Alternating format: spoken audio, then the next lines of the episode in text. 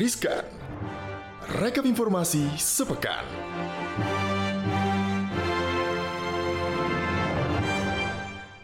Hai, Hai, Sobat, Sobat Cuan. Cuan. Kompak kita. Eh, Kak. Ih, jumpa lagi nih Sobat Cuan Di mana? Di Riskan Kayak rekap informasi sepekan Yes, bareng-bareng Katarina dan juga. Gali Iksan Seperti biasa ya kalau udah dari Riskan berarti sudah weekend sebentar lagi ya di depan mata gak sih Gal? Betul tuh Kak Tapi sebelum rencana weekendnya direalisasikan Sobat Cuan dengerin dulu ya Riskan hari ini Karena akan banyak sekali insight buat Sobat Cuan nih Terutama Sobat Cuan yang kepengen tahu nih sebenarnya harus investasi di mana sih? Di eh, saham atau di kripto atau di aset-aset lain? Nah kita ada beberapa data baru sih bukan menggather sobat cuan ya tapi ini menarik.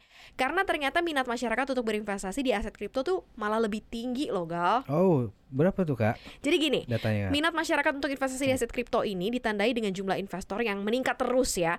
Ternyata di Juni 2022 ini sampai 15,1 juta investor. Ini lebih tinggi kalau dibandingin dengan pertumbuhan investor pasar modal yang mencapai 9,1 juta di Juni 2022. Jadi secara umum ya masyarakat banyak yang lebih memilih investasi kripto sebagai alternatif selain pasar modal. Jadi alternatif ya. Nah sementara nih Kak Dari sisi lain transaksi Sepanjang tahun 2021 tercatat nilai transaksi saham sebanyak 3.302,9 triliun rupiah Yes. Nah, sementara transaksi kripto aset sebanyak 854,9 triliun rupiah. Nah, investornya naik tapi transaksinya nggak sebanyak saham ya. Betul, Kak. Crash stablecoin Terra Luna membuktikan adanya volatilitas yang tinggi nih, Kak. Nah, bahkan untuk jenis kripto aset yang dianggap ini lebih stabil, Kak. Nah, tingkat volatilitas tinggi aset kripto menunjukkan perlunya kecukupan kerangka pengaturan dan pengawasan yang memadai untuk melindungi para investor nih, Kak. Nah kalau di pekan ini ya pasar kripto kan memang mengalami guncangan ya di hari Rabu kemarin didorong dengan potensi kebangkrutan di salah satu bursa kripto besar dunia FTX ya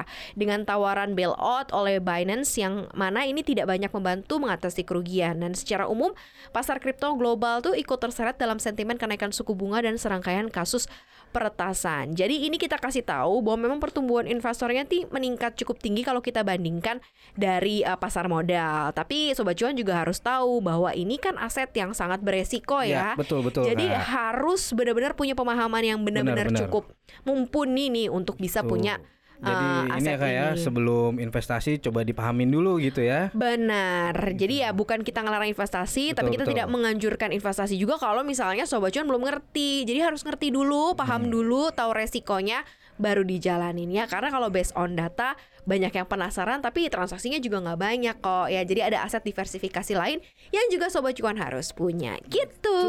So next apa lagi nih yang menarik? Nah, ini Kak lagi banyak perusahaan yang diramal bakal ambruk nih Kak. Kak. Kenapa bisa gitu? Gini, Kak. Jadi Kak, akhir-akhir ini sinyal lonceng kematian yang banyak terjadi di perusahaan manufaktur Indonesia Hal ini digaungkan karena maraknya pemutusan kontrak pekerja hingga pemutusan hubungan kerja atau PHK. Bahkan banyak perusahaan yang tidak mampu lagi bertahan hingga menutup operasionalnya alias tutup pabrik. Oke. gitu. Ekonomi Citibank Helmi Arman membenarkan ancaman besar yang sedang melanda industri ini. Nah, kondisi ini tidak lepas dari dampak turunnya permintaan ekspor bagi industri tersebut di kawasan Eropa dan Amerika Serikat sebagai pasar utama mereka. Well, kalau kita lihat ya lebih lanjut, eh, ternyata dia juga menambahkan apabila tidak ingin ikut ambruk seperti perusahaan manufaktur lainnya, tampaknya perusahaan tersebut perlu menciptakan pasar baru di luar Eropa dan Amerika Serikat supaya mampu bertahan di tengah menurunnya kondisi perekonomian di dua wilayah tersebut. Dan perlambatan ekonomi di negara-negara tujuan ekspor ini juga dipengaruhi oleh geopolitik dan perang di kawasan Ukraina yang memicu tekanan inflasi yang tinggi. Selain itu juga nih Gal ya, Yap, yap. Kenaikan suku bunga nih Amerika Serikat juga diperkirakan lebih tinggi dengan siklus yang lebih panjang dan hal ini menyebabkan konsumen akhirnya lebih mengutamakan belanja energi maupun bahan makanan. Nah, menurut Helmi lagi nih yang menjadi peluang Indonesia untuk menjadikan komoditas energi sebagai bantalan ekonomi ke depan. Emang kalau misal di situasi kayak gini ya dibayang-bayang kondisi resesi banyak sih memang perusahaan yang harus putar otak sih ya dan memang salah satu efisiensi yang dilakukan adalah uh, memutus, uh, Memutus, hubungan kerja betul, atau PHK. Kak. Tapi kita yakinin juga nih untuk sobat cuan yang lagi mengalami hal itu jangan sedih. Banyak banget kok uh, Benar, peluang benar, kerja benar, di sektor informal lain yang bisa Iya. ditelusuri gitu. Seperti Jadi yang kita bahas kemarin kayak dikoneksi Benar, kayak dikoneksi. Jadi Gitu. dengerin dulu ya kita Iya. bahwa kalau misalnya kita lagi pusingan karena mungkin di layoff atau mungkin lagi nggak ada kerjaan, coba kita cek sektor informal. Sektor informal itu juga bakalan jadi bantalan yang kuat selain komoditas energi. Bener gak? Betul kak. Lanjut, Gal. Lanjutkan nih kak. Jadi ketua ASEAN 2023 ada tiga isu prioritas yang dibawa RI. Indonesia keren banget Betul, ya. betul, betul, jadi betul. tuan rumah G20 presidensi 2022 2023 ternyata jadi ketua ASEAN 2023. Jadi kalau misal pemilihan negara ini termasuk salah satu source-nya adalah menganggap bahwa negara tersebut cukup stabil Ya. eh, khususnya kondisi politiknya ya nggak Ya. tiba-tiba di tengah jalan ada perang. Makanya negara-negara eh, tetangga negara-negara mitra semuanya berani datang ke Indonesia karena cukup Betul, aman betul, ya dalam betul, situasi seperti ini. Gimana tuh jadinya tuh? Nah, Didapuk menjadi ketua ASEAN tahun depan, posisi RI sebagai chairman ASEAN yang akan efektif per 1 Januari 2003 mendatang.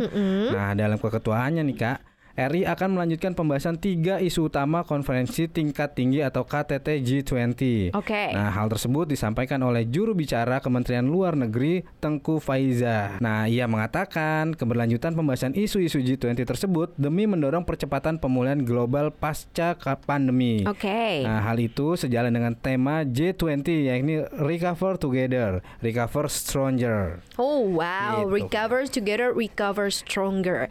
Tiga isu utama yang diusung Indonesia nih ya, kalau di uh, sebagai presidensi KTT G20 2022 kan transisi energi berkelanjutan, transformasi digital dan arsitektur kesehatan global. Namun menurut uh, Faiza Syah ini pemerintah tidak menutup kemungkinan akan ada isu lain yang akan diangkat pada kepemimpinan Indonesia nanti, di mana Indonesia terakhir kali kan memegang posisi ketua ASEAN itu di 2011 ya. Yap. Nah, sepanjang ketentuan tersebut, Indonesia sudah berhasil menggulirkan sejumlah inisiatif, misalnya seperti implementasi centak uh, biru komunitas politik keamanan ASEAN.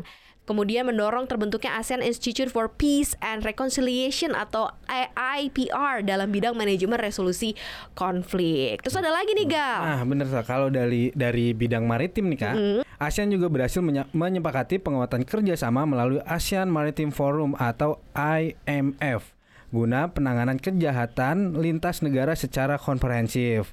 Nah, termasuk juga kesepakatan tentang kawasan bebas senjata nuklir di kawasan ASEAN. Serah terima tampuk keketuaan ASEAN direncanakan berlangsung pada KTT ASEAN 10 hingga 13 November 2022 di Kamboja. Hmm, makanya presiden lagi ke sana nih ya. Kan. Nah, per- Perdana Menteri Kamboja yang akan menyerahkan posisi ketua ASEAN itu kepada Presiden Joko Widodo. Dan menurut laporan Sekretariat Kabinet, selama kepemimpinan Indonesia di ASEAN pada 2023 nanti diperkirakan akan ada 300 pertemuan yang akan terselenggara di Indonesia baik terkait ekonomi, sosial, budaya maupun politik dan keamanan Indonesia juga akan memperkuat peran Jakarta sebagai diplomatic capital of Indo-Pacific melalui keberadaan Sekretariat ASEAN. Ya, mantap Makin ya, panjang Kak. nih kerjaan Iya kita nih, Kak. kayaknya ya setelah G20 ada lagi nih akan menjadi center point of discussionnya negara-negara Ya. besar yang ada di seluruh dunia untuk kumpul lagi di Indonesia untuk ngebahas lagi hal penting terkait mengenai dunia keren top Keren, markotop keren, ya. keren. Nah, sekarang ini tips nih ya buat teman-teman atau sobat cuan yang lagi pengen cari kerja atau udah punya profil di aplikasi LinkedIn tapi kok kayaknya nggak dilirik-lirik ya. Nah. Kayaknya harus tahu nih karena ada proses mencari pekerjaan yang panjang terkadang menjadi hal yang melelahkan mulai dari bikin CV, kirim CV ke berbagai perusahaan ya sampai nunggu jawaban nih atas lamaran kira-kira diterima atau enggak. Belum lagi nih harus kompetisi dengan orang yang memiliki kenalan alias orang dalam. Ini Kan lamaran pekerjaan kan Kak ya? lamaran pekerjaan ya, bukan mencari apa, eh, mencari yang mana yang akan bawa cuan ya. Nah. nah ternyata menarik perhatian perusahaan ketika melamar pekerjaan ini memang harus eh, dilakukan dan jadi impian setiap job seeker. Maka menyiapkan CV, portofolio ini nggak cukup, cuman itu aja. Ada cara lain yang harus dipersiapkan. Salah satunya adalah profil kamu di LinkedIn. Betul. Nah, LinkedIn sendiri adalah salah satu media sosial profesional yang dapat dipergunakan untuk memperluas koneksi dan mencapai pekerjaan. Yes. Profil LinkedIn yang menarik juga dapat nih membantu sobat cuan atau job, Job seeker, seeker. untuk mendapatkan nilai tambah dari perusahaan ketika melamar pekerjaan. Nah, kira-kira bagaimana sih nih agar profil LinkedIn dapat menarik perhatian perusahaan? Nah, ini kita punya tipsnya nih Kak ya. Ya, ini kita ambil uh, dari startup at teh ya. Di mana teman-teman yang sekarang udah punya profil di LinkedIn, pertama harus tulis headline profile sesuai posisi yang diminati. Karena menurut Revo, hindari menuliskan kutipan motivasi atau kalimat bersifat personal pada headline profil LinkedIn. Nggak apa ya nggak straight to the point. Jadi gunakan headline untuk menunjukkan minat pada posisi yang dilamar agar rekruter ini dapat mengetahui keahlian seseorang secara singkat dan cepat ya. Jadi kalau diambil contoh misalnya kayak uh, apa namanya seeing job for manager uh, promotions. Ya, Jadi langsung, gitu langsung ya. aja, Kak, ya. Atau interest to uh, HR management Ya. gitu atau misalnya interest for sales marketing. Jadi langsung jelas gitu bahwa sobat cuan tuh lagi ngincar posisi apa gitu. Betul. Oke, kemudian juga jangan lupa nih di dalam profiling ininya pastiin nih keahlian atau kemampuan yang dicantumkan secara relevan dengan headline yang ditulis. Bila sobat cuan punya keahlian yang beragam, fokuslah untuk mencantumkan keahlian yang memang relevan dengan posisi yang dilamar. Oke, jadi misalnya keahliannya eh, kayak bisa ngedit Bisa pakai ngedit, apa gitu ya betul. ditulis ya. Terus misalnya bisa jago public speaking Ya. gitu ya, atau fluently in English and eh, apa gitu ya bahasa. Jadi mungkin itu dicantumin sebagai daya tarik utama Betul, ya. betul, betul. Nah, ketiga jangan lupa cantumkan pengalaman yang relevan ini secara detail karena sebagian besar orang menganggap ya bahwa menyebutkan pengalaman bekerja aja kan udah cukup untuk menarik rekruter. Padahal Penjelasan rinci terkait pekerjaan dan pencapaian yang pernah diraih ini penting juga buat dicantumkan. Dengan demikian, rekruternya akhirnya bisa lebih mudah untuk mendapatkan informasi tentang pencapaian seseorang. Jadi, dalam penulisannya pastikan juga informasi pengalaman kerja ditulis secara ringkas dan dalam poin-poin yang mudah dibaca. Jadi, kalau misalnya Sobat Cuan pernah jadi eh, lead eh, lead apa ya lead program apa gitu ya terus Ya, kesuksesannya di- apa dijelasin ya, ya. nah pernah berhasil misalnya uh, achieve dalam apa achieve dalam apa itu ditulis ternyata Betul, tuh betul, jadi betul. poin penting tuh gal. Nah kemudian nih kak yang keempat itu aktif mengunggah postingan. Hmm, Jadi oke. supaya uh, ketika linkinnya dilihat itu ternyata linkinnya aktif gitu. Nah itu bisa menjadi daya tarik juga tuh. Gitu aktif mengunggah postingan di LinkedIn merupakan salah satu hal yang sering terlupakan nih. Nah posting aktif di LinkedIn dapat meningkatkan peluang profil LinkedIn seseorang ditemukan oleh rekruter dan member. Gitu.